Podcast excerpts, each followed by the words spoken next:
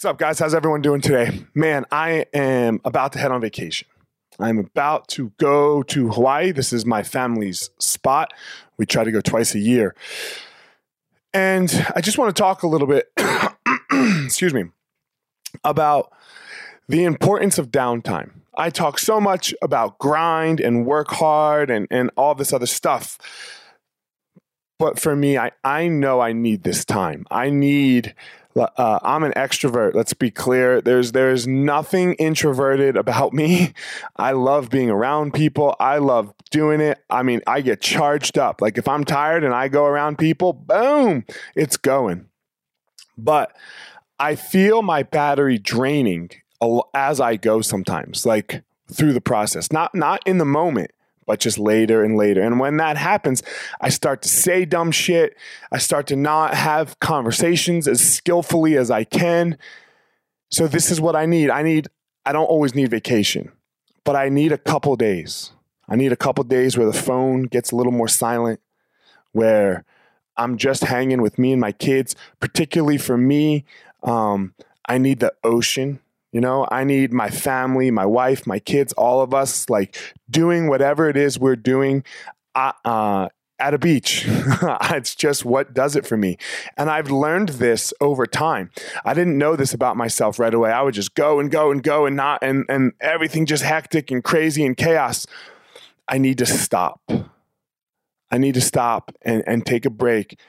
Um, I get these really great ideas sometimes whenever we go on these trips to Hawaii um, I get in the ocean and I just like let the waves move me and let the water move me around and it, it pushes me here and pushes me there. And I just get in, I get in the present moment as much as I can be in the present moment without someone trying to rip my head off like a fight.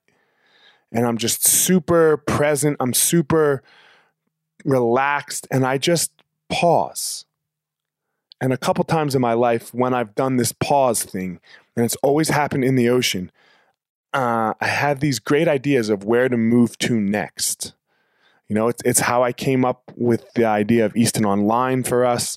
It's kind of how I came up with this whole idea of um, documenting what it is that I do. Uh, and just moving to this digital space like like really like oh this is how I'm going to do it. Not not the idea of documenting or something like that like a lot of people do it but how it was going to work for me and how I would go through about that go about that with my life. So don't be don't be afraid to take to hit pause.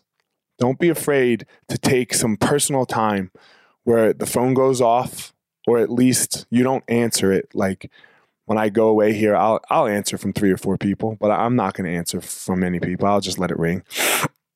And the you know, it goes off, it's relaxed time, and man, it's just time for me to be with me. And when I say me to be with me, that's my wife, that's my kids, that's that's whoever I am in that moment with. That's that's the ocean. That's I go train still. I love to train. I'm going to teach two seminars out there.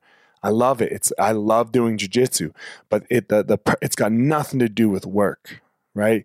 It's got nothing to do with anything for Easton or for the Eliot Marshall brand or anything like that. It's literally for myself, and I'm not ashamed, and I'm not uh, sad or anything like that to say that I'm doing this for me. This is what helps me find my power. Go out there and find your power.